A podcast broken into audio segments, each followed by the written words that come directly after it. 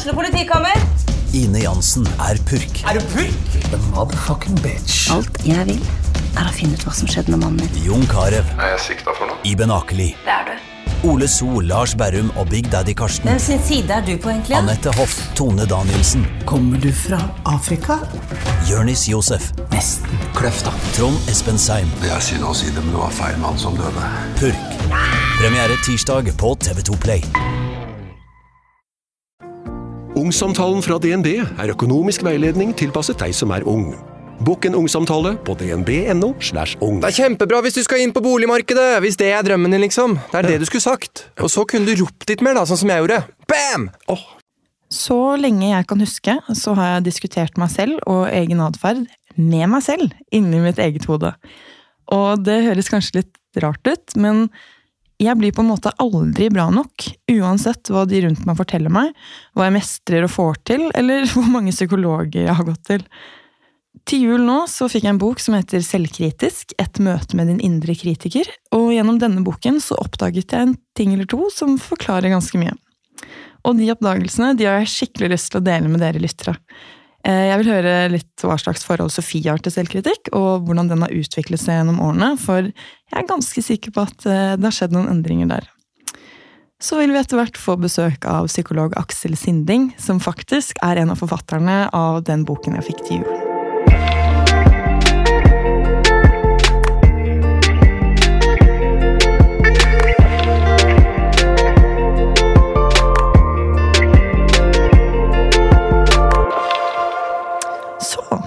Sofie.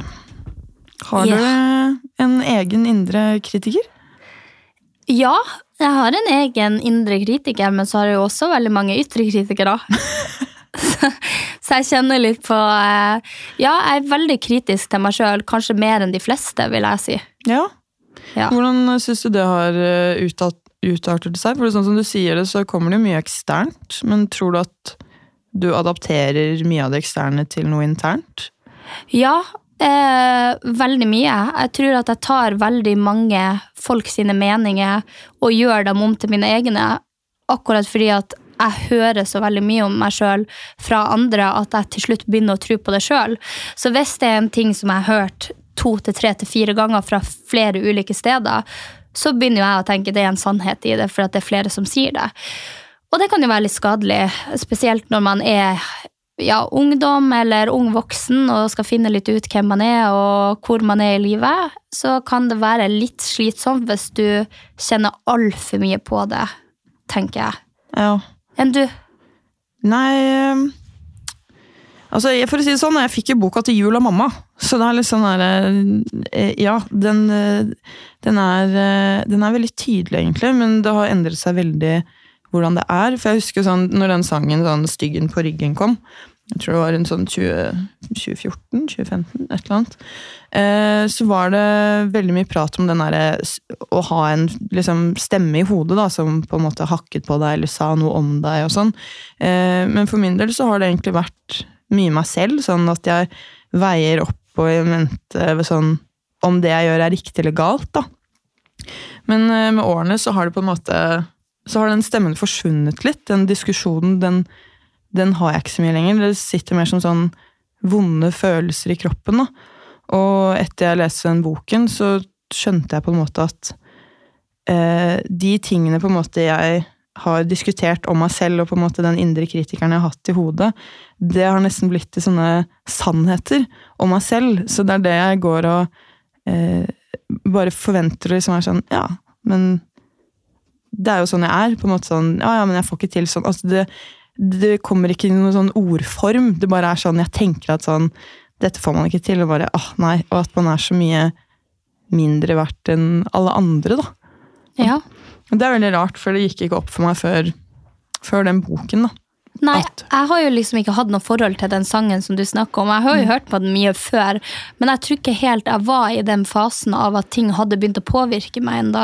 Jeg føler at det kanskje har kommet i de senere årene, og spesielt for meg, da, etter at jeg har sett meg sjøl i et speil, og sett meg sjøl veldig mye på TV, sett meg sjøl veldig mye i mediet og i nyhetsbildet, så har jeg på en måte lest litt mer inn til hvem jeg er, og hva jeg står for. Og så er det jo veldig mange som tilegner meg eh, både tanker og meninger som jeg ikke har.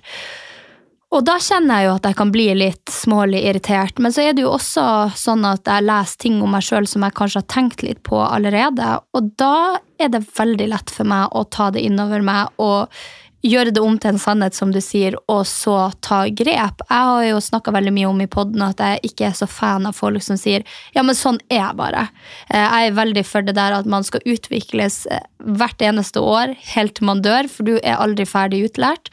Og der kommer jo også veldig mye av kritikken inn, at jeg tar vel kanskje til meg litt mye kritikk, vil jeg si. Jeg vil si at jeg tar inn ganske mye kritikk, og jeg vil si at jeg endrer meg ganske mye etter kritikken som jeg mottar.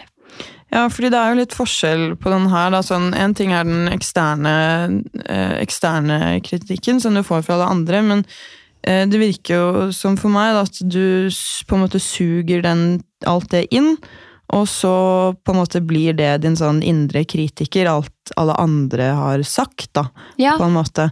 Og det er det man på en måte lever etter. Og det er liksom, det eneste beste eksempelet jeg kommer på nå som jeg på en måte har merket på deg, er den at ting er litt flaut. Ja. Sånn som du kanskje ikke eh, Nå har ikke det skjedd nå i det siste, men jeg husker jeg tenkte på det på, på et event eh, for lenge siden. At, for vi drev og sto og tok selfier, og så sto vi der litt lenge. At det blir veldig sånn Nei, nei, det her er flaut, liksom. Så må vi slutte. Ja. Og det gjorde du ikke før. Nei. Og da, jeg, da tenkte jeg, husker jeg tenkte på det sånn hm, er det, er det noe man har fått en kommentar på, og så plutselig så blir det din At man blir stressa, da. Og plutselig kjenner det fordi den indre kritikeren i det sier Oi, det her kan ikke jeg gjøre, fordi da vil folk tro at jeg er sånn og sånn og sånn. Og det er jeg jo ikke, så det må jeg slutte med. Ja. ja, og så er det vel også kanskje redselen for at andre skal tro at du er noe du ikke um, gjenspeiler deg sjøl som. Altså noe du ikke tenker at du sjøl er. Så hvis jeg står og tar masse bilder der, og eh, folk ser det, så kan de tenke at jeg er en type jente som jeg ikke em, identifisere deg med. identifisere meg sånn. Mm. Uh, og derfor slutter jeg med det. Så jeg kan også være kritisk til meg sjøl fordi jeg ikke vil bli oppfatta feil. Fordi at jeg har hatt det veldig vondt med å bli veldig oppfatta feil. Uh, så det er jo i det siste at folk har begynt å kanskje skjønne litt av hvem jeg er, og, og hva jeg kan, og på en måte hvor jeg kommer fra. Uh, før har jeg hatt veldig lite ja, på en måte veldig lite å leve opp til blant andre folk, fordi at folk har sett ned på meg, så det har bare vært en positiv overraskelse når de har møtt meg, og du har jo sikkert også vært med på mange av de møtene der folk bare sånn, oi jøss, liksom, jeg hadde ikke trodd at du var så oppegående. Og så blir det vel liksom litt at man vil holde på den, da. Og da blir man jo veldig kritisk til seg sjøl. Fordi at det er sånn, du tenker at nei, men det her kan jeg ikke gjøre, og det her kan jeg ikke gjøre. Selv om det er i en veldig liten grad, så er du redd for at noen skal sette deg i den posen du en gang har vært i. Eh, Så jeg vil på Jeg vil jo si at jeg er veldig, veldig selvkritisk. Og det så jeg bare i dag, for jeg hadde på meg en body og en sånn eh, kjole, sånn hekla kjole. Og det er liksom ikke noe jeg ville ha hatt problemer med å gå ut i før. Men nå så er jeg bare sånn mm, kan jeg, jeg kan vel kanskje egentlig ikke gå i det her. Jeg følte meg dritfin, men jeg var bare sånn det her, det her kan jeg ikke gå i. Men hvorfor kunne du ikke gå i det? Hva slags tanke er det som har dukket opp i hodet ditt da? Eh, Tanken om at jeg kler meg utfordrende og ikke skal bli tatt seriøs. Ja, Så akkurat liksom For det brydde du deg ikke om Nei, før. det brydde jeg meg ikke om før. Og nå er jeg veldig sånn Nå tenker jeg gjennom kanskje ja, 14 ting, i hvert fall, som jeg ikke tenkte gjennom før, per dag. Eh, før jeg gjør noe, før jeg sier noe, eller før jeg kler på meg. Og det er ganske slitsomt. Det er dritslitsomt. Jeg kjenner det jo veldig igjen. Kanskje, altså, jeg tror nok det er på litt andre områder, men den å hele tiden analysere øh, hver eneste millimeter av atferden sin, da. Eller at nå er man for mye, nå er man for lite, nå må du si det, nei faen, hvorfor sa du det? Og at man hele tiden er nødt til å regulere seg selv for å passe inn eh, i en slags eh, Og det er jo det, passe inn i hva da? For man, man er jo egentlig seg selv, men den reguleringen det er bare den, i hvert fall i, i mitt tilfelle, da, så tror jeg at mye handler om den frykten for å ikke bli likt, og på en måte ende opp alene. Det, jeg gleder meg til psykologen kommer etterpå, så han kan liksom pønske, pirke litt borti hva det kanskje faktisk egentlig er. Eh, men og, tror du at ditt handler mer om eh, hvordan, hva slags inntrykk andre har av deg, eller er det på en måte et grunnleggende sånn det at folk ikke liker deg for din del også? Med denne kritikeren? Jeg tror både og. Jeg tror både og. Jeg tror én eh, at det kan være For jeg har jo vært veldig eh, hadde en veldig sterk personlighet alltid. Eh, jeg har vært en som har kunnet kverulert og diskutert på veldig mye. Og det her snakka vi om i forrige episode, og det har jeg lagt helt fra meg. Og det er jo også fordi, som du sier, at man blir litt redd for det der å havne opp alene. At man ikke, ja, at man ikke blir respektert for den man egentlig er, og kan være seg sjøl fullt ut. Men så må jeg også være litt kritisk her, fordi at jeg mener jo også at det går an å skifte mening, og det går an å bli bedre. Eh, det går an å se seg sjøl utenfra og tenke at ok, denne oppførselen har jeg jo kjørt en stund, og det er jo egentlig meg, men denne må vi tone ned, fordi dette er kanskje ikke en bra side av meg sjøl. Så jeg føler at det er litt sånn forskjell på de bra tingene du er sjølkritisk til, og de dårlige tingene du er sjølkritisk til. Eh, så er det liksom sånn med oppførsel at jeg syns ikke man skal diskutere for ofte. Det syns jeg jo i grunnen er en dårlig ting som jeg har lyst å på en måte ja, komme bort fra. Eh, men så har vi den her, for eksempel den kjolebiten. Veldig mm. overfladisk. Men hvorfor skulle jeg ikke kunne gå i den hvis jeg har lyst til å føle meg fin i den? Mm. Eh, så ja, det er, jeg syns det er to forskjellige deler. Det som stikker litt dypere, og som er med på å gjøre at du har en reise innen eh, din personlighet. Og så er det jo også den der hva du gjør for å på en måte passe inn i et bilde. Ja, for jeg, sånn uavhengig av om på en måte det er det ene eller det andre her, da, så tenker jeg jo at når det går til det punktet at man begynner å endre atferd og personlighet, så er det jo på en måte i mine, sånn, Eller til at det blir en plage, da. Fordi ok, har du sagt noe skjemt noe, og din indre kritiker sier sånn 'det var skjemt', og så går man og sier unnskyld, og så sier man aldri det igjen, så er jo på en måte det en fin ting som gjør deg til kanskje et bedre menneske.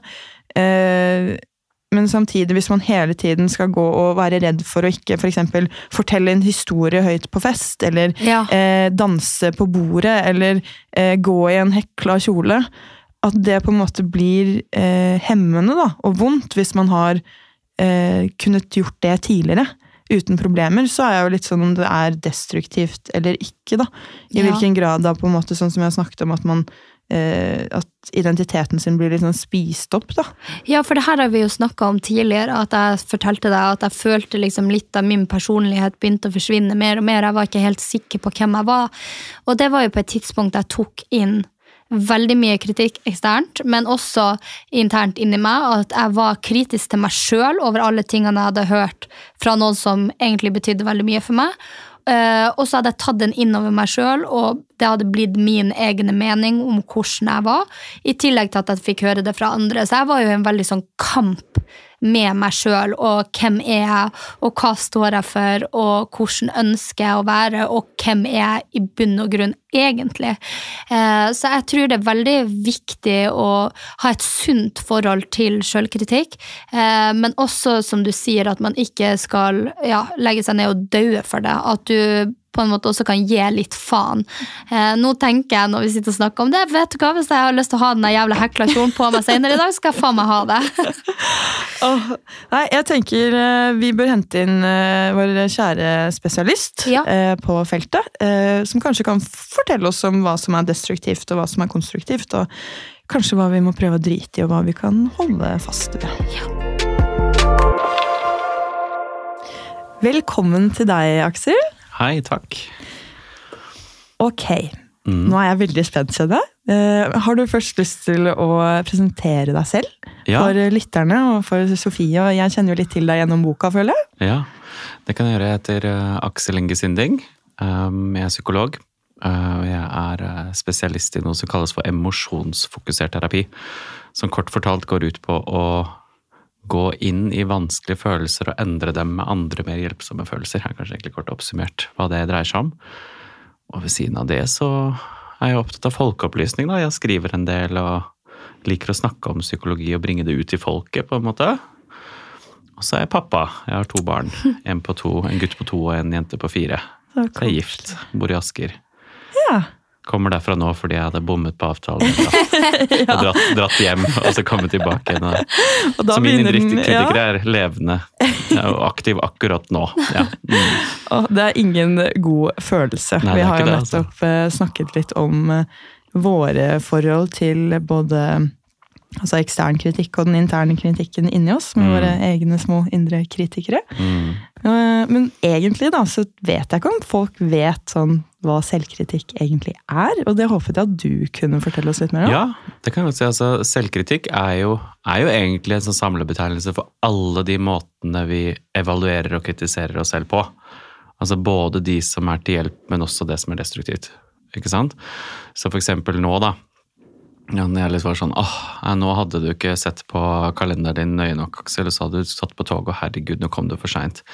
Den, den kan jo egentlig være hjelpsom og så følge litt bedre med neste gang. Ja. det er også en slags form for selvkritikk uten at jeg går liksom helt i kjelleren av det. ikke sant? Men så er det jo mer den selvkritikken som, som ofte er et problem, der når den blir veldig sånn destruktiv, ikke sant? Det blir veldig sånn omfattende. La oss si at jeg hadde gått helt til åh, du må jo ikke finne på å snakke på den podkasten. Nå, har du- du driti deg helt ut. Nå kommer alle til å tenke at du er en komplett idiot. Hvis jeg går helt dit, ja, da er det ganske mye mer destruktivt med en gang. Så sånn kort oppsummert, så selvkritikk, alle måtene vi evaluerer oss på. Vi har liksom en sånn tendens til å kunne Det er mennesker nesten det eneste dyret da, som gjør det, egentlig. Som aktivt hele tiden evaluerer oss selv og vurderer hvordan vi gjør ting og presterer og hvilke tilbakemeldinger vi får, og så prøver vi å justere oss deretter. Og så kan den være konstruktiv, men det, men den kan veldig ofte også være destruktiv. Ja. Men når er det på en måte den bikker over, da? For det var jo det sånn Sofia har jo vært veldig opptatt av det her av, av at man skal utvikle seg. ikke sant? At Mm. kritikk er bra, og at man skal ta det til seg og utvikle seg. Men Mm. jeg føler jo også litt da at man plutselig kan miste seg selv litt, da. Oppi Ja, ja. alle disse evalueringene hit og dit. Absolutt. Så når er det på en måte Hvor, er, hvor er, har vi noe skille? Sånn godt skille? Det, det er vanskelig å gi et sånn godt skille, for det er veldig individuelt. Altså, den er jo konstruktiv når den hjelper deg. Når du faktisk utvikler deg til noe som blir mer sant og ekte og velfungerende for deg.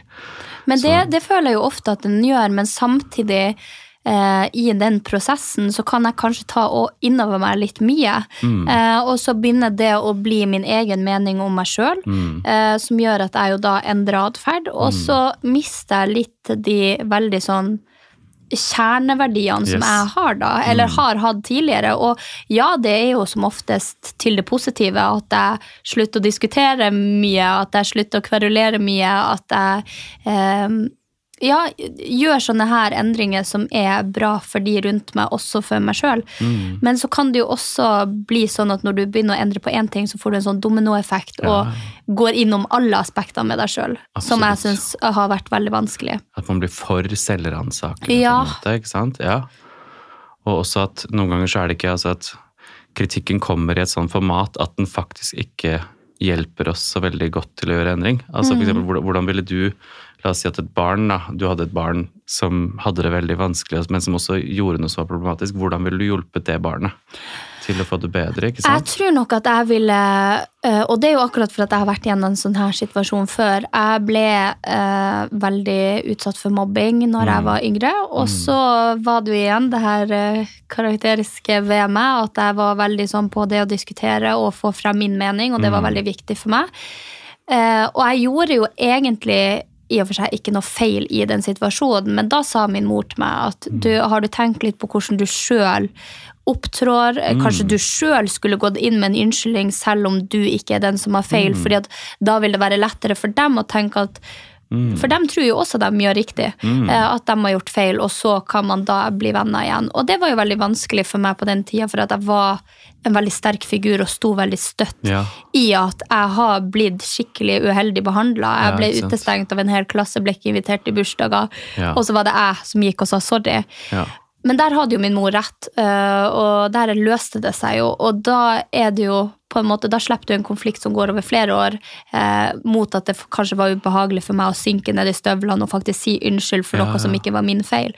Så jeg tror at jeg ville råda mitt barn til å eh, ta en del av den kritikken, og på en måte også se din rolle i det, selv om kanskje du føler at de andre har feil, og de åpenbart føler at du har feil. Mm. Så det vil jo jeg råde mine barn til, da. Mm. Det er litt sånn, det det er, det er ikke enten eller her, ikke sant? Altså, um, det, det som kan være Altså, man kan jo gjøre begge deler. på en måte. Man kan både anerkjenne at selvfølgelig er det jævlig kjipt å ikke bli altså Det er vondt å ikke bli invitert i bursdag. Mm. Det er vondt å bli støttet, avvist, ikke få være med de andre. Det er vondt. Man kan møte det med empati, være omsorgsfull og fin. Så kan man også rettlede kan si at du, jeg lurer på kanskje det er noe du kan gjøre annerledes her. eller et eller annet. Så det er liksom ikke enten eller. Vi skal liksom først, først møte med omsorg, da. Men la oss si gå rett på kjeft, da. Ja, men herregud, det er jo du som må Ja, nei, det, det funker jo ikke. For det får jo ofte bare barnet til å tvile veldig på seg selv og bli veldig usikker. Da blir det Hvis man bare går på rettledning, da, så blir ofte barn ganske usikre, da. Egentlig, rett og slett. Eh, Så det er litt sånn Tenk liksom, hvordan, ja, hvordan er det lurt å veilede og rettlede barn? Ikke? Det er det samme måte vi kan være med vår egen altså, kritikk kan være med oss også. At det skal anerkjenne at ting er vondt og sårt, og at når vi er lei oss, liksom møte det med omsorg og empati først. Og så kanskje Så kan det selvfølgelig være ting vi kan justere på også. Så det er ikke enten-eller, på en måte. Mm. At man blir litt snillere med seg sjøl i den kritikken man tar fra seg sjøl. Ja, jeg tror det. For at det, det vi har sett, hvis man er veldig streng med seg selv, altså den går rett på liksom så, så, ser altså, så oppnår vi faktisk ofte færre av tingene våre. Det er, sånn veldig sånn, det er litt sånn myte. Hvis jeg skal tillate meg, Jeg var vanligvis ganske sånn på at det bare var hva er min kliniske erfaring, liksom. Men, men her kan jeg faktisk tillate meg å være litt som forsker, da. At uh, forskningen viser ganske tydelig at de som er veldig selvkritiske til seg selv, faktisk får til mindre enn de som er ikke så kritiske til seg selv. Og de utvikler seg ikke fortere eller mer heller. Fordi det er liksom at selvkritikken, hvis den blir for hard da, og for vond, så, så trekker vi oss unna, og vi kan miste litt kontakt med hva som er viktig for oss. Vi kan trekke oss, vi kan vi, går, vi justerer oss, da, og, og blir, blir ikke en så god utgave av oss selv, rett og slett. Vi kan bli mindre liksom, genuine, kongruente, på en måte. Ja. Og tvile litt på oss sjøl. Jeg tror at det å tvile på seg sjøl er jo grunnen til at noen er suksessfulle og noen ikke. Sånn Ja, som vi ser av Stordalen, da. Han hopper jo bare ut i det, og så kjøper han Lite selvkritisk, Ja, ikke sant? veldig lite absolutt. selvkritisk. Hopper ut, og så kjøper han f.eks. det som har vært Ving, da, og alle sier det er en kjempedårlig investering. Mm. Men sant, så har han så mange gode investeringer at han, han kan investere der han ser at det er lurt, og så lønner det seg Mm. som regel, og så går han selvfølgelig med noen tap. Men jeg tror jeg som menneske hadde hatt vanskelighet for å få den suksessen han har, fordi Mm. at jeg hadde jo tenkt ti ganger igjen er det her lurt, er det her etisk, er det her eh, ukult, er det her Ja. Eh, så, det Du vurderer det opp mot ja. flere, mot andre standarder eller noen sånn objektive greier, på en måte. Ja, så jeg skjønner hva du mener, men så vil man jo også, som jeg og Anja snakka litt om, eh, passe inn, da. Ja. Eh, og man vil jo rette seg etter at folk skal på en måte i hermetegn like deg, men det er jo egentlig ikke hermetegn. Du vil jo at folk skal like deg. Så hvis du da sliter med ting som du merker at kan være problematisk for andre, som i mitt tilfelle var diskusjon, da, eh, så vil du jo gjerne endre på det. Mhm, absolutt. Men ofte så er det jo ikke så eh, enkelt heller. Det er jo ikke ofte man har en sånn spesifikk ting som det er lett å endre på. Jeg føler ofte at selvkritikk tar en sånn eh, generell Mm, eh, kan bli global, form. på en måte. Eh, ja, og at det på en måte ikke er spesifikt noe noen trenger å ha sagt til deg heller. fordi den er jo nettopp det den er. Det er jo en indre kritiker Mm, som sitter inni deg, og som du har laget det selv. mm, Eh, og der er jo på en måte det med å snakke litt hyggeligere og være litt rundere. Og, mm. Men det er jo ikke alltid så lett det heller, for den har jo fått ta en veldig stor plass i deg. Mm. Men det jeg fant veldig interessant, var jo i hvilke ulike former den indre kritikeren kan Ja. komme i. Mm. For det er på en måte ikke bare den 'å, nå var du dum'. Nei, ikke sant. Det var veldig mange forskjellige eh, former som dere hadde i den boken, som jeg syntes var litt interessant. Absolutt. Som jeg tenkte hvis eh, vi kan gå Ja. gjennom de, så Sofie og lytterne alle kan høre og kjenne igjen. For jeg tror at plutselig så skjønner man at man er selvkritisk da, i de tankene man har. Og så har man ikke skjønt at det er At selvkritikeren ligger liksom, eller indrekritikeren ligger liksom på lur litt sånn bak noen ganger.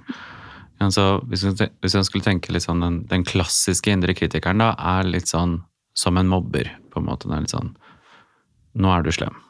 Du er ikke god nok. Du er stygg. Du er ikke bra nok, så egoistisk du er. Liksom litt sånn, sånn kjip, giftig. Du er stygg, feit, dum, svak, patetisk, verdiløs. Liksom den veien. En sånn hard kritiker liksom, som går rett på og kritiserer noe ved deg og hele ditt vesen. på en måte. Den er, liksom, den er ofte litt sånn global. Den kan selvfølgelig være spesifikk på enkelte atferd også, men det er ofte litt lettere å svelge. Som eksempel når kritikeren min sier at ah, 'nå kom du for sent', så sier ikke det noe med hele meg som menneske. Det sier noe om hva jeg gjorde. Det er lettere, lettere å, å reagere på, da. Um, og så kan Den ligger ofte liksom og lurer litt sånn i bak en sånn annen form som ofte kommer til syne som at den er litt mer sånn skremmer. At den liksom skremmer sånn Litt sånn som kanskje du sa i stad. egentlig liksom Pass på at du ikke har gjort noe gærent. Pass på at de andre syns det er ok. liksom Pass på at Pass på at det er greit nå. Pass på at du ikke sier noe feil på denne podkasten. Litt sånn. Så er det, den er veldig sånn pass på, pass på, pass på, pass på, eller husk det, husk det, husk det. husk det, Litt sånn stressende, på en måte. Ofte at vi kjenner sånn angst. Da. Det er ofte den som kommer til Hvis ikke, så- Ja, for hvis ikke så avslører du at du er Og så har du mobberen igjen, på en måte. Skjønner du hva jeg mener? Mobberen ligger liksom litt under der. Så hvis man skulle delt inn litt, altså kritikeren vekker litt skam, ikke sant? Det er liksom grunnfølelsen der. Men skremmeren vekker ofte angst, da. Angst og uro og stress for å få skam, egentlig. Så prestasjonsangst, sosial angst og sånn, så ligger det ofte det, det mønsteret, da.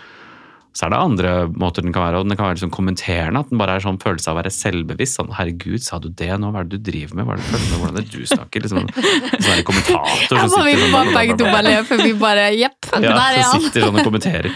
Og det er jo fordi altså, skamfølelsen er den følelsen som er mest av alle følelser gjør oss selvbevisste. Vi blir veldig bevisst at andre ser på oss. Liksom. Det er veldig sånn fokus innover med en gang. Ja, for det tror jeg har liksom tatt mer og mer del i det samfunnet vi lever i i dag. At vi, vi tenker 'å, folk tenker det og det og det om meg', men sannheten er jo det er du som tenker det om deg sjøl. Ja, du, du, er så, du er så oppi din egen verden, og du er så eh, på en måte på pass på hvordan andre ser det, at du ser Ja. bare deg sjøl. Mm. Og det tror jeg er en skikkelig usunn greie. Mm. Eh, for at når jeg går på Sats nå, ser ingen. Jeg ser bare meg sjøl, Mm. og det er fordi at jeg er så eh, bevisst på hva jeg skal gjøre der. Ja, ja, ja. Eh, hvordan jeg ser ut, eh, hvordan jeg trener. Gjør jeg noe feil? Tar jeg for lite vekter? Altså, jeg enser ikke Nei. andre på Sats. Mm. Og det er jo veldig skummelt at det er blitt sånn, for man er jo på en måte ja, man blir veldig en og alene i sitt eget vesen, og det. veldig sånn selvopptatt. Ensom følelse på en måte. Ja, og så er, er litt ingenting godt. på en måte, men også er veldig sånn ensom Selvopptatt på en litt sånn ensom måte. Liksom, at liksom sånn, for det er, liksom det, det er det følelser gjør, da, at de organiserer Dette er komplisert, men altså følelser organiserer hele vår virkelighet. på en måte, Så i det øyeblikket vi kjenner skam, så er det nærmest som vi kan kjenne andres blikk på oss. Ja. Selv om de ikke er der, til og med. Altså det, det former hvordan vi opplever alt. Så hvis man går inn i et rom og kjenner skam, så vil man liksom kjenne at ah, nå ser de på meg, de liker meg. Det, det blir sant for oss, på en måte. Mens hvis man går inn i et rom og kjenner stolthet, så er det helt motsatt. Ja.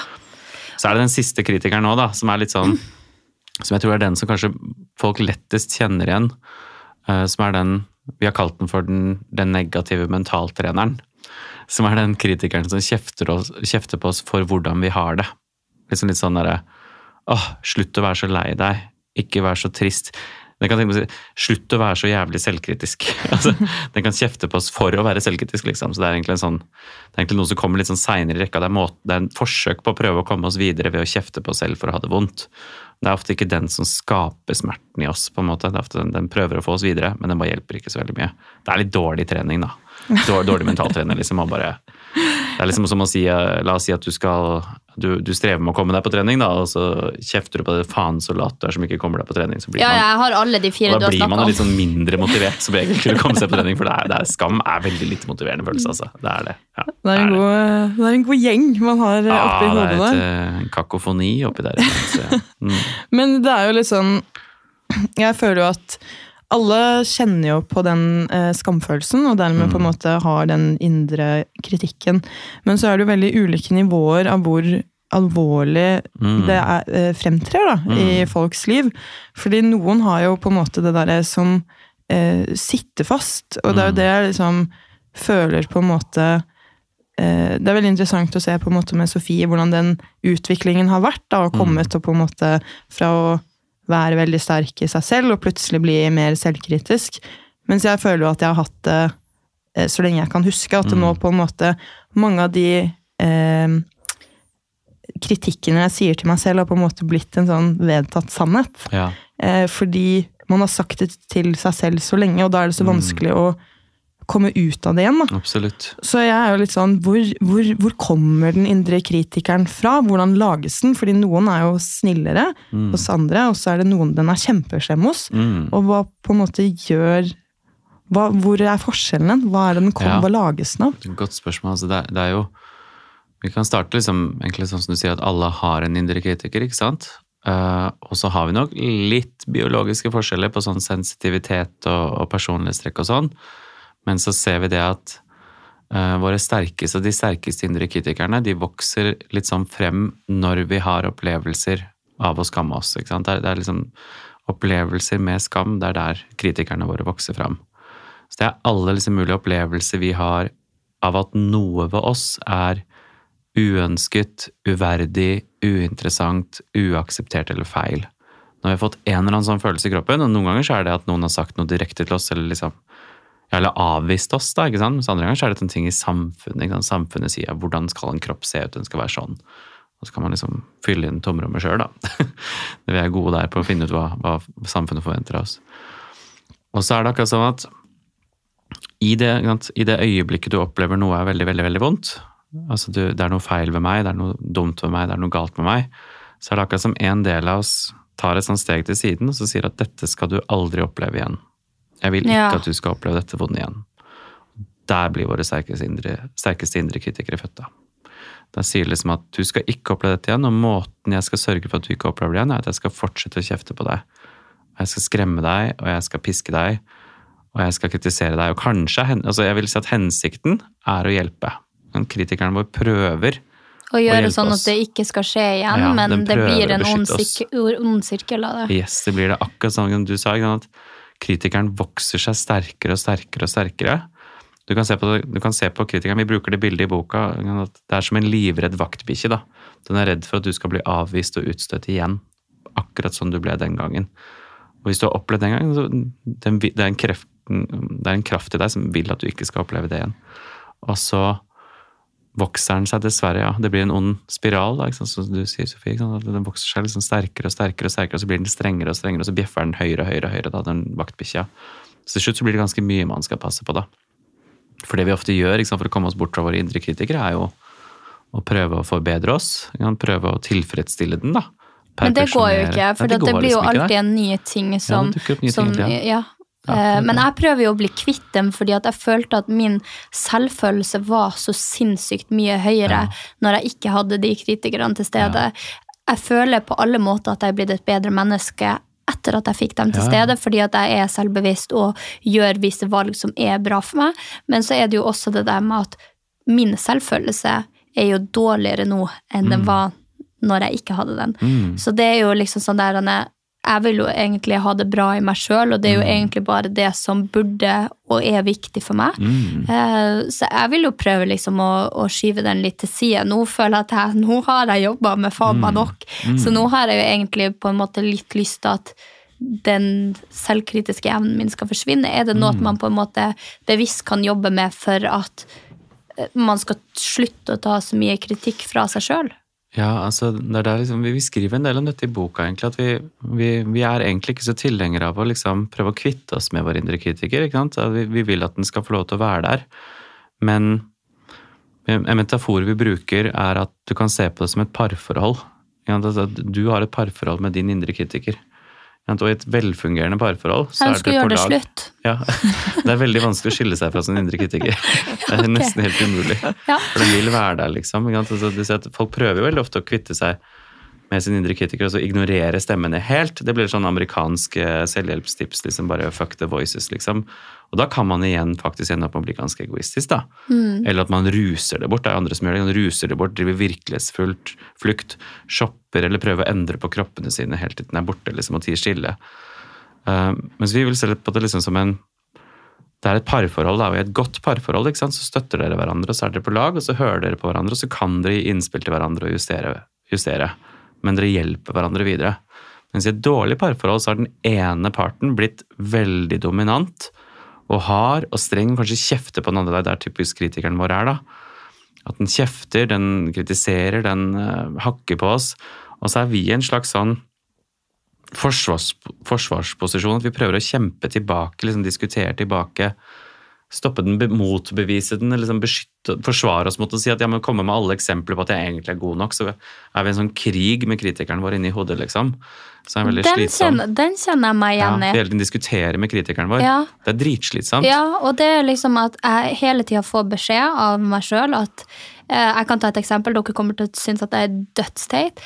Men for eksempel, og det her er ganske personlig, under sex så kan jeg føle at Oi, shit, jeg ser ikke bra ut. Å nei, magen krøller seg her. Jeg er eh, Og jeg har ikke lyst til å bruke ordet feit, men det er det min kritiker Mm, sier til meg. sier, ja. Og så kan jeg gå liksom ned på sats, og så går jeg forbi et sånt uh, speilvindu. Mm. Og så ser jeg i det, og så tenker jeg, vet du hva, nei. Mm. Jeg ser egentlig jævlig bra ut, Mm. og jeg føler meg egentlig jævlig bra. Mm. Og jeg har masse kvaliteter med meg sjøl som er veldig bra, som Mm. at jeg er flink å lage mat, jeg er god til å ta vare på andre, jeg er snill og omtenksom. Så begynner jeg liksom med de der mot diskusjon, hverandre. Mot, ja, tilbake, ja. For at jeg vil, jeg vil skjøtte den opp, den som sier at jeg Yes. ikke er bra nok, med at jo, jeg gjør alt det her. Du skjønner, du, jeg Mm. er faktisk bra nok. Så den der den indre konflikten, den kjenner jeg meg ganske Ja, det godt sånn- igjen i. Det kan være slitsomt, for noen ganger så klarer man det hvis man har en dårlig dag, eller så sliten så klarer man det ikke. Og så, Ja, og og så kanskje man klarer man man en stund, og så plutselig skjer det noe nytt, og så bare er man rett tilbake igjen til greia, liksom. Så det vi prøver å Det liksom vi oppfordrer til, da, at hvis du skal få liksom Hvis du skal bli mindre selvkritisk, da, det er egentlig det som er målet, bli mindre selvkritisk. Um, eller bli selvkritisk på en hjelpsom måte, da, og ikke på en ødeleggende måte, så er det, det er en slags sånn gå i parterapi med din indre kritiker, liksom. Det er egentlig litt det. Um, at dere skal være litt nysgjerrige på hverandre, for det er et eller annet kritikeren driver med. ikke sant? Den har et eller annet prosjekt, den prøver å beskytte oss mot et eller annet, og så har det prosjektet gått helt av styr.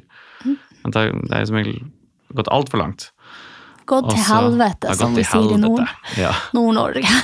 Og så, og så må vi på en måte Hvis vi klarer å møte det behovet den kritikeren har, altså det, det er ofte den smerten handler om, da, som ofte ikke er nåtid engang. Det handler ikke om nå. Det handler ikke om eller kropp her og nå. Det handler ikke om å være god nok og smart nok i jobben din her og nå. Det handler ofte om ganske gamle ting. Ja, det er liksom der kritikeren vår kommer fra, da. Og det var veldig interessant i boken. Med, det var eh, den historien om eh, Ja, hvor gammel var hun? Jeg husker ikke. En godt voksen dame som satt og hadde Fordi dere har jo en sånn veldig morsom øvelse Ja. hvor man sitter i hver sin stol, mm. eller i en stol og snakker da med sin indre kritiker på den andre stolen. da. Eh, og så er man sin indre kritiker, og så er man seg selv, og så Mm. snakker man da, å, som, som denne parterapien. Eh, hvor du på en måte bryter det såpass langt ned at du Ja. til slutt kommer til den kjernen hvor hun, eh, som det er skrevet om i boken, begynte å gråte. Og var sånn, nei, men det som egentlig var problemet, Mm. var at de eh, håndballjentene fra 25 år siden Ja. kom til å synes at hun var teit, og de ville ikke ha noe med henne å gjøre, Yes. og eh, ditt og datt. Og det var veldig sånn Mm. eh, som jeg kunne kjenne meg igjen i. Mm. Eh, fordi ofte så er det på en måte de tankene man har, de stammer jo fra et annet Ja. sted. Helt klart. Eh, men så tillegger man kanskje man, Den indre kritikeren blir på en måte personer som egentlig ikke har noen ting med saken å Mm. gjøre den dag i dag. da. Mm. Og det var jo litt som Jeg tror det er det Trygve Skau som også har eh, uttalt seg mye om eh, dette her. At Mm. Han skrev masse om selvkritikk, ja. ja, Mm. og at de på en måte Fordi han gikk jo også gjennom eh, mobbing. Og at da så var det de mobberne i hodet, men de var jo plutselig mye slemmere ja. enn det på en måte mobberne egentlig hadde vært. Fordi Yes. at den indre kritikeren hadde vokst seg så sterk. da. Vi kan være ganske mye hardere mot oss selv enn noen andre, noen har vært, noen andre noensinne har vært. på en måte. Det vokser seg bare strengere og strengere og sterkere og sterkere. og sterkere. Absolutt. At det øker i volum, liksom. Det er ganske mange som, klienter som liksom, spesielt mot slutten av en terapi får seg en litt sånn Det er nesten en litt sånn sorgprosess, på en måte, fordi man merker at man selv er slemmere mot seg selv enn andre har vært igjen. Mm. Ikke sant? Eh, Det er ganske vanlig. Det er ikke mitt tilfelle.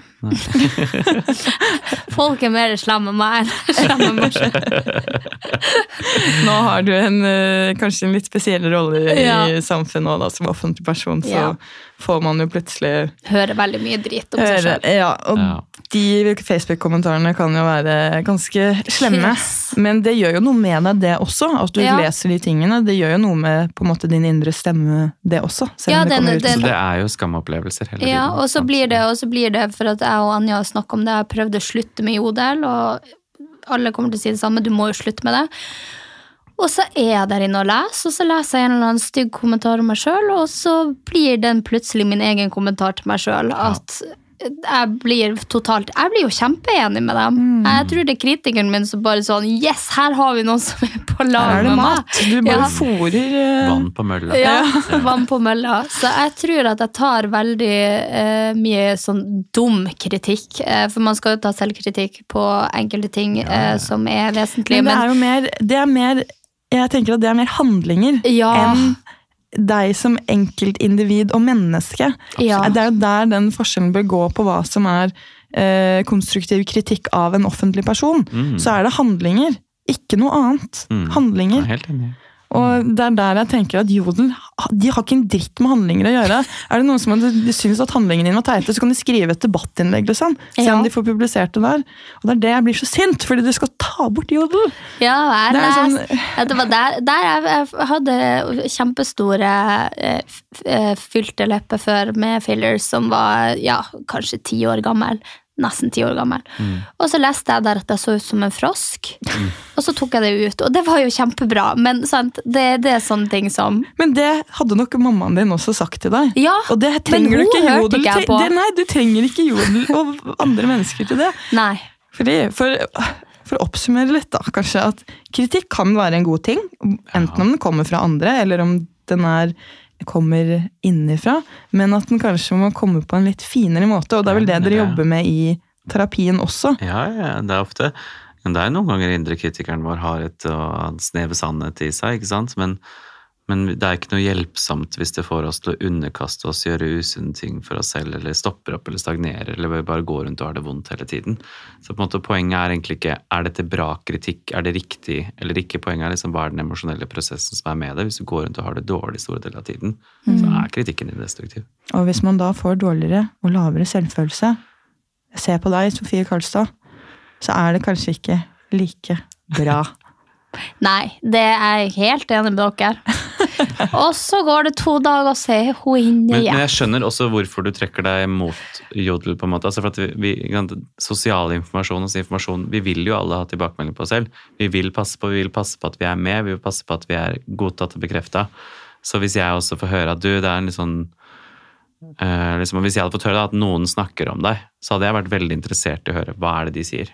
Selv om det er vondt. Ja. Det er jo sosialt. Det er viktig informasjon. Ja, vi vil- søker tiden du- selv om det gjør vondt. Ja. og så vil du på en måte også være først på sak. sånn at hvis Mm. det er noen andre som snakker om deg bak ryggen din og sier et eller annet, Mm. så vil du være klar over det, sånn at du kan konfrontere det i en annen sammenheng hvis Mm. det skulle komme opp igjen. Mm. At du ikke er dum, at du ikke går rundt og lever på din egen planet. Liksom. For det er det jeg føler hvis jeg ikke er inne der og leser, det at ja, nå svever jeg på min egen planet og gjør egentlig alt sånn som jeg sjøl vil, men så Mm. Aner jeg jo ikke hva som foregår bak ryggen min. Mm. Og da blir jeg veldig sånn usikker i møte med andre mennesker. Eh, sånn på dagligdags basis, for at jeg vet ikke helt ja, Har jeg gjort noe dumt i det siste? For da leser jeg det jo først på Jodel, da. Men det der syns jeg var et Da ville den indre kritikeren din også blitt ganske hard med deg hvis du ikke var forberedt på en måte. Så vil jeg tippe liksom at den indre kritikeren kom ganske kjapt på banen hvis du da gikk ut og Mm. så fant du ut oi shit, mange har snakket om meg kjempelenge, og så blir du tatt helt på senga, så kommer den indre kritikeren ai, ai, ai, ai. ja, ja. Ja, det, er liksom, det er nesten liksom forsøk på også å prøve å komme kritikeren i forkjøpet for å dempe sin egen indre kritiker. liksom. Ja, Jeg tror det. Ja. Mm. Det tror jeg. Herregud. Det er derfor ofte folk for eksempel gjør narr av seg selv også før andre gjør det. Det er for at liksom vi det skal gjør eie jeg også jævlig ofte. vi skal eie kritikken. Hvis vi kjefter på oss selv først, og kritiserer oss selv først, så er det veldig vanskelig for andre å kritisere oss etterpå. Men kan det være sunt, eller er det utelukkende negativt? Ja, Det, det kan absolutt være sunt. Altså, det, er, det er jo fint å, å være lite altså, selvhøytidelig og, og tulle. Og, hvis du tenker komikere, da. Altså, Mange av våre største komikere gjør nettopp det. De gjør narr av seg selv og tuller med sine egne svake sider. Og så liker vi dem, for de viser det. Eh, Det kan også være usunt hvis man har litt sånn rollen som klovn. da, For eksempel som at du bare kan være klovn du hele tiden. Jeg vil se på det altså at Mange som bare er klovn, på en måte gjør det jo liksom nesten for, ja, for å komme andre i forkjøpet. da. Hvis jeg gjør meg selv dårlig og ydmyker meg selv, så kan ikke du ydmyke meg, liksom. Og så er det også litt sånn at det er ikke alltid en så god måte å dele skam og Det skriver masse om i boka at liksom, egentlig så er den Man kan jobbe masse med parterapi, i parterapi med sin indre kritiker, Men egentlig så er den beste måten å bli kvitt skam på, er egentlig å vise hva du skammer deg over. Til Ja. omverdenen. Og ikke bare snakke om det, men altså vise det med Mm. ansiktet. Så dette liker ikke jeg ved meg selv. Med et annet menneske. Altså uten, Og ikke, ikke vise det du For det vi ofte gjør, er å vise noe annet. Vi, Mm. ofte viser, vi viser våre polerte sider. Vi viser det som er bra. Mm. Og så prøver vi å få bekreftelse sånn, på en måte. Men å vise det vi ikke liker ved oss selv til et annet menneske, og så fortsatt bli tålt. Og en Mm. felle mange går i der, er å vise det, men at vi viser det på litt sånn tullemåter. Ja. At vi tøyser litt om oss selv. Og du vet jo, jeg er jo så dum, og sånn. Mm.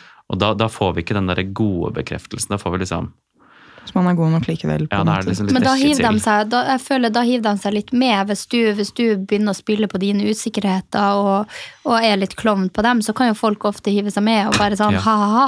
Og da får du jo en bekreftelse på at andre også tenker det. Det Men jeg tenker at hvis du uh, går ut og sier åpenhjertig at du, det her sliter jeg med, og det her syns jeg er veldig vanskelig med meg sjøl, jeg håper liksom du kunne godta godtatt det og godkjenne det, Ja. så får man jo en helt annen forståelse for den personen. Så jeg Yes. tror jo også at det kan være bra, for da eh, Mye nærere ja. og godere møte ikke sant, og så, og så eh, eh, på en måte kommer du den krisa i forkjøpet, da, at da vet de allerede om det og har akseptert det. Så Mm. ja, går det til helvete, så går det til helvete, på en måte. Mm. Eh, så det er sikkert en veldig fin ting, og noe som jeg også burde bli bedre på. For jeg er jo også veldig sånn kødde med min egen usikkerhet. Men jeg syns jo også det er veldig gøy å møte andre som også Mm. Ja, ja, kan være ikke som er selvhøytidelige. Mm. Det verste jeg vet, er kanskje litt folk som er kjempeselvhøytidelige. Ja, ja, ja. Det, det, det ain't, ain't playing with Det er my det. character. altså. ja.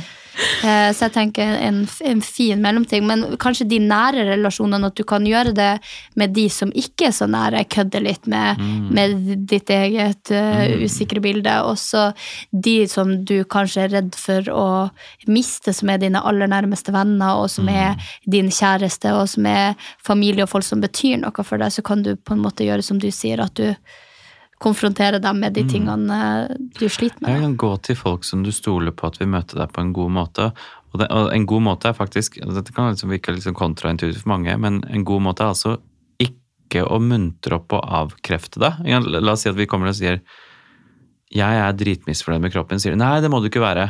Det hjelper ikke så veldig mye, liksom. Det er, det er, en, av, det er en invalidering av følelsene, egentlig. Liksom. Det, det, det, dette holder jeg på med en hel bok om akkurat nå. Om, om å møte og faktisk tåle at andre har en følelse. fordi det vi trenger da, når, vi, når vi skammer oss, er liksom, vi, det vi egentlig lurer på er ser du meg, og, og liker du det du ser?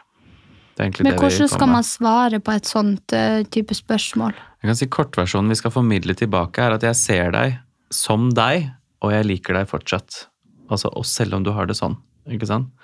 Så eksempel, la oss si at man ikke er fornøyd med kroppen sin, da, ikke sant? så kan det være noe sånt som at det er skikkelig dritt å gå rundt og være misfornøyd med kroppen sin. Det er opplevelsen du møter. ikke sant? For det, det ofte folk tror, at hvis jeg sier at oi, hvis jeg, sier at det, hvis jeg viser forståelse for at det er vondt å ikke like kroppen, så tror folk ofte at vi da sier ja, for Ja. du ser jo ikke bra nok ut. Ja, du er enig. annet, Ja, du er enig. Men det er jo egentlig noe helt annet. Det er jo å bekrefte fakta. Liksom sånn, ja, Det er ikke rart at du ikke er fornøyd med kroppen din, for du ser jo sånn og sånn og sånn ut. Men det er jo ingen som går dit. Det er dit vi er redde for at vi, vi tror vi går dit. Men jeg kan fint anerkjenne med klienter jeg møter uansett. Altså, De kommer inn og kanskje, kanskje til og med ser veldig bra ut og sier at de, men jeg liker ikke kroppen. Så sier jeg men det er skikkelig dritt. Det er kjempevondt å gå rundt og ikke føle seg hjemme og velge, velge sin egen kropp. Og se seg selv i speilet og ikke like seg selv. Det er kjempevondt. Bli møtt Altså- med forståelse. Det er opplevelsen da, som er viktig. på en måte. Men jeg tror det hadde vært viktig for meg også å høre at det ikke var fakta. For jeg tror, som du sier, hvis noen bare hadde sagt det, og så blitt stille etter det bare, Ja, Anja, skikkelig Eller Sofie, er skikkelig dritt at du ikke føler deg veldig i din egen kropp. Så hadde jeg sagt sånn Ja, og Og Ja, jeg hadde syntes det var veldig deilig. Fordi at jeg Hadde føler at det? det eneste, for eksempel, som Nå har jeg slitt med spiseforstyrrelser, da. Mm. Men, og det er veldig den at når man da er det som blir ansett som i hermetegn tynn, og har en spiseforstyrrelse, så vil folk alltid være sånn Ja, men du er jo så tynn. Mm. Så er det ikke det jeg ønsker å høre, fordi at den er jo subjektiv, den oppfatningen av hva som er Mm, tynn, og i min, mitt hode så på en måte føler jeg meg sånn og sånn, og at jeg da blir eh, anerkjent, da, og at følelsen min blir validert, er veldig mye deiligere enn at noen skal prøve å finne en løsning for meg. Eksempel som med eh, min samboer, da. Som blir veldig sånn Nei, nei, men du kan jo bare gjøre sånn og sånn. Ja, men Mm. kan du ikke Vi drar på trening. Så blir jeg Nei, jeg trenger bare høre Fiksefella. sånn at du sier Shit.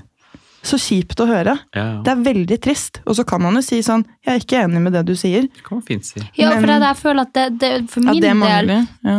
så ville det ha mangla. Eh, hvis jeg hadde tatt opp et problem med deg som jeg var usikker på om stemte, og som jeg hadde fått hørt fra mange at ikke stemte, så tror jeg jeg hadde blitt veldig paff hvis du hadde sagt til meg ja, kjipt at du har det sånn, og så var det ikke noe mer. Det er jo fint å validere følelsen, men så er det jo også fint at du legger vekt på det du ser. Altså for eksempel hvis du sier Jeg sier sånn Ja, jeg syns du ser fantastisk ja, ut. at du sier at eh, skikkelig kjipt at du går og føler det sånn, og jeg skjønner at følelsen med å ikke være fornøyd med seg sjøl gjør at du har det dritt, men jeg er jo bestevennen din og ser på deg fra et helt annet perspektiv og syns at du er nydelig pga. det og det og det. Eh, sånn at du får en annen ting å fokusere på samtidig som jeg skjønner at du har det dritt, men da kan jeg på en måte ta deg litt videre. da, At du på en måte tenker på noen andre ting enn de tingene du kanskje har fokusert på. Ja, jeg tror det er veldig, veldig fint og veldig hyggelig, men for min egen del så vet jeg at det, det går seg gjennom ørene, da. Sånn at det Ja, altså, måte men hvis det funker, hvis det endrer den følelsen for alt altså liksom for godt, altså for at jeg, jeg synes De fleste kommer til meg og kritiske med sin egen kropp, har fått høre nettopp det der ja, men 'du er jo fin, jeg syns du er fin'. De har fått høre det 10 000 ganger. Og så har det ikke endret seg. Det kommer tilbake i gang, så det blir sånn midlertidig lite plaster på såret. liksom. Ja. Men kanskje er fokusere på noe annet da, enn kropp, da, for Ja. eksempel i det tilfellet. At sånn, men herregud, du, jeg, jeg vet at du ikke eh, eh, At det ikke endrer din mening, men jeg syns du ser fantastisk ut. Men jeg er venn med deg av disse og disse. altså den Kanskje å snu følelsen til liksom det personlige som er bra, da. Er Jeg ville tenkt noe også at det var faktisk invaliderende. da, faktisk. Ja, er ville liksom du det? Ja, Ja. faktisk. fordi det, det er at ja, men Du burde jo ikke tenke på det. er egentlig ja, budskapet ja. indirekte. på en måte, at Du burde egentlig ikke være opptatt av det. av kroppen din, Du burde egentlig være opptatt av det istedenfor, for for det er jo mange andre ting med deg som er bra. ja. Det er litt sånn, ikke sant, altså, Men nå snakker jeg liksom på en måte ikke om, ikke om hva, hva, hva er vanlig sosial sjargong i, i en hverdagslig samtale. Jeg snakker liksom om hvordan, hvordan endrer vi en gammel følelse da? Mm. Og for å endre en gammel følelse av at noe er galt med oss, så må vi få lov til å komme dit først. Altså Vi må ankomme et sted før vi kan gå derfra. på en måte. Det er dette vi jobber med i terapirommet. ikke sant? Så Derfor så jobber vi ofte med liksom at hvis du skal endre en gammel følelse av skam, så må man først tillate den skammen å være der. Og Da må man også si at vet du, det er vondt, fortell meg mer. Hvordan er det for deg? Men så vil det være vondt. Det er et vondt sted å gå. Det er ikke noe sånn, det er ikke en kjapp måte å få noe til å føles bedre på. Det er å åpne opp et vondt sett på noe som er der.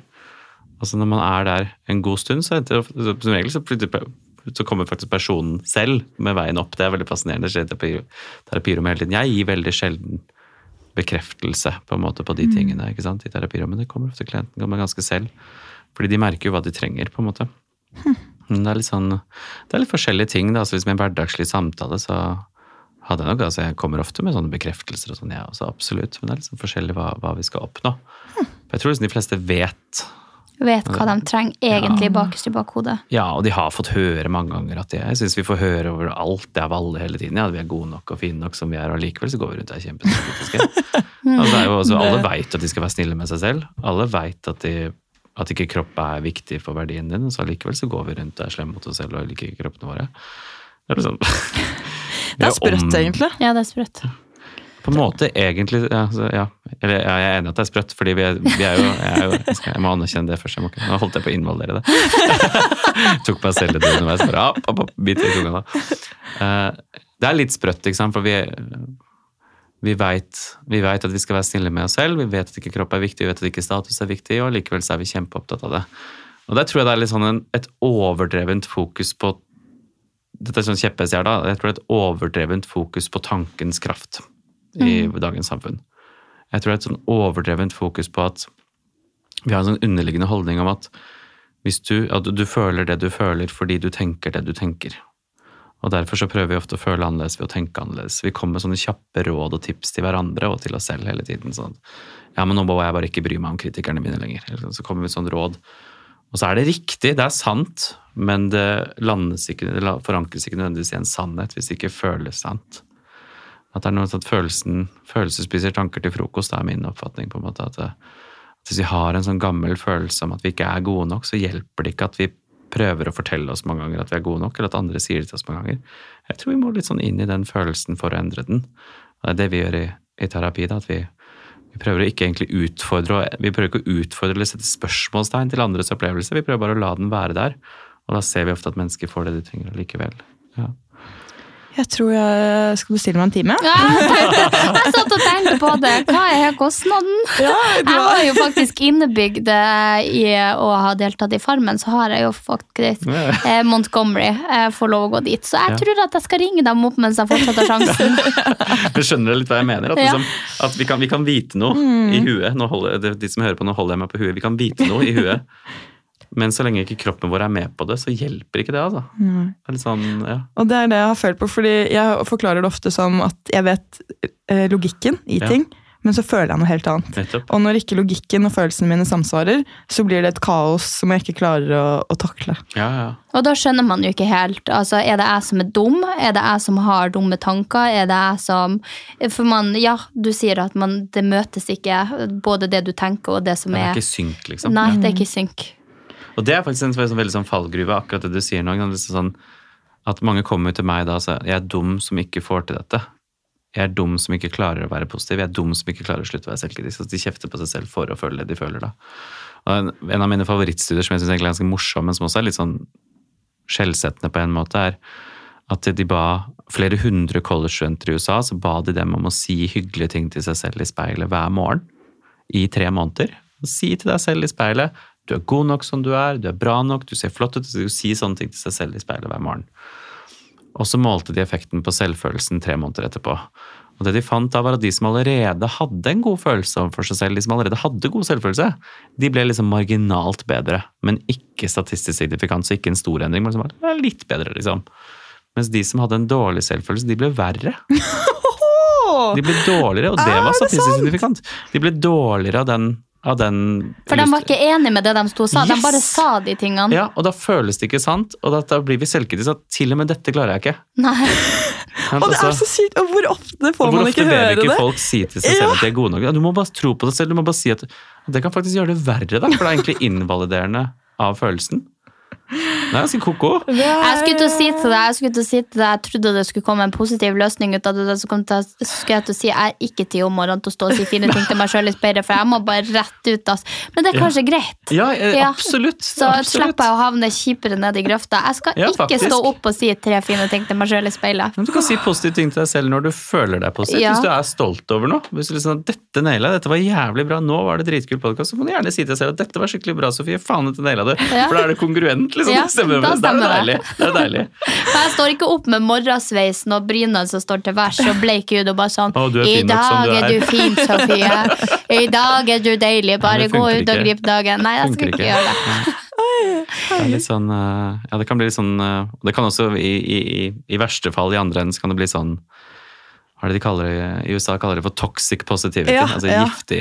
Altså, så det, ble- det føler jeg at det er mye av der nede. Det Unnskyld at jeg altså. outer dere USA USA. Jeg ser føler det kommer til. Norge òg. Ja, det er tendenser til det i Ja. noen miljøer, altså. Det er det. Ja.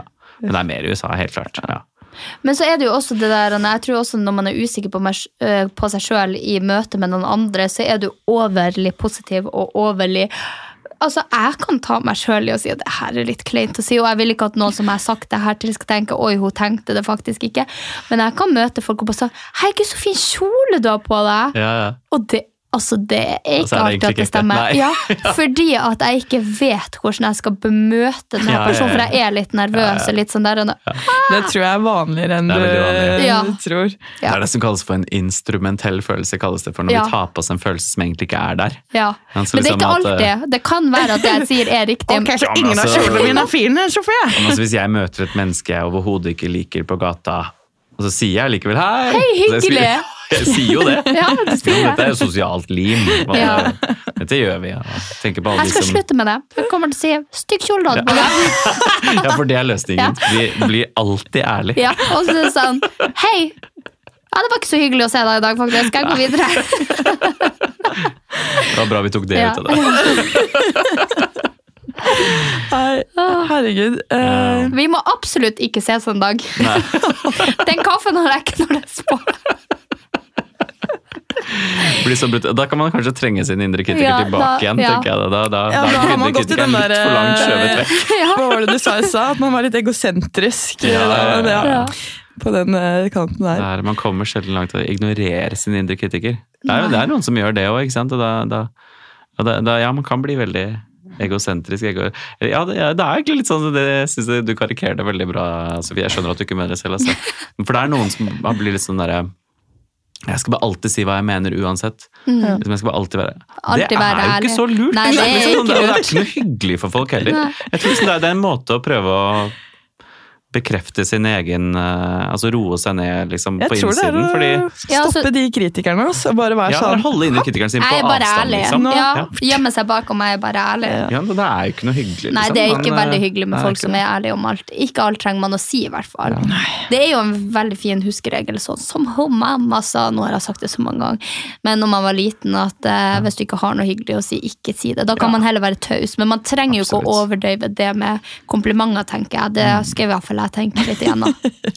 Kanskje ikke alltid. Ikke Jeg har en sånn eh, ganske sånn sentral verdi i Altså integritet, liker jeg å kalle det. Liksom at jeg, jeg, jeg prøver å være ganske sånn genuin og ærlig. på en måte, Så jeg sier alltid fra liksom ja, for eksempel Hvis det er noe jeg ikke er enig i, sånn, så sier jeg som regel ifra om det. Men jeg, jeg prøver alltid å gjøre det på en respektfull måte. liksom. Det er en sånn begge deler der, men jeg, jeg, jeg, er dårlig på fake it. da. Det, Ja. det er jeg veldig dårlig på. Men det er veldig fint, tror jeg. eh, Nå snakker jeg jo mye om det samfunnet vi lever i, men det er veldig fint at folk også er kritiske og stiller kritiske spørsmål Ja, ja. og er kritiske til ulike meninger. For at jeg føler at Norge er på vei en veldig mørk og dyp plass, i og med at folk har bare lyst for tida å mene en ting som er populært og som er validert. Eh, og med en gang du kommer med noe som er ja, konservativt, da, så, så blir det slått hardt ned på, både i mente og Vi har jo den janteloven som står på spiss, og Mm. uh, det vil jeg oppfordre faktisk alle som lytter her til å gjøre, å være litt kritisk der ute. Det er ikke noe feil i å være det, og jeg møter heller noen i en diskusjon og er kritisk til noe jeg sier, enn at jeg møter noen som alltid er enig med meg. Ja, For det, mye finnes jo ikke sånn- noe kjedeligere enn det. Nei, Det er mye sånn sosial gapestokk der ute. Det er det. Det er det. Og snur kappa etter vinden. Ja. Ja. Man må stoppe opp. Men eh, herregud, for en samtale. jeg, det er så, jeg blir helt fascinert av å høre på. Jeg blir bare sittende helt stille. Og eh, jeg ikke, så jeg tror, som sagt, den timen den tror jeg at jeg må koste på meg. Ja. Sykt eh, ja, Rett ut fra studio og bare tuk, tuk, tuk, tuk, Ja. rett inn. Nei, men tusen hjertelig takk Tusen for at hjertelig du, hadde, at du kunne komme. Mm, fint Så- å være her. Nå blir jeg sikkert eh, mamma stolt av meg for at jeg har invitert forfatteren av boka. Men du har jo en eh, medforfatter, da. Ja, Sigrid Skeide. Ja, hun må også riktig. nevnes. Og hun eh, kunne ikke komme hit i dag. Men igjen, tusen takk. Tusen takk Så for håper jeg at eh, alle har lært litt. Det har i hvert fall jeg. Og jeg. Ha det bra. Ha det.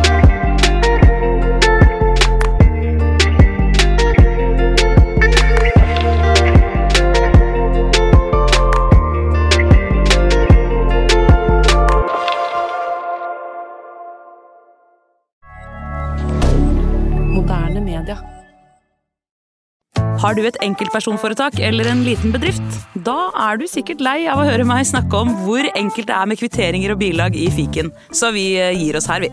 Fordi vi liker enkelt. Fiken superenkelt regnskap.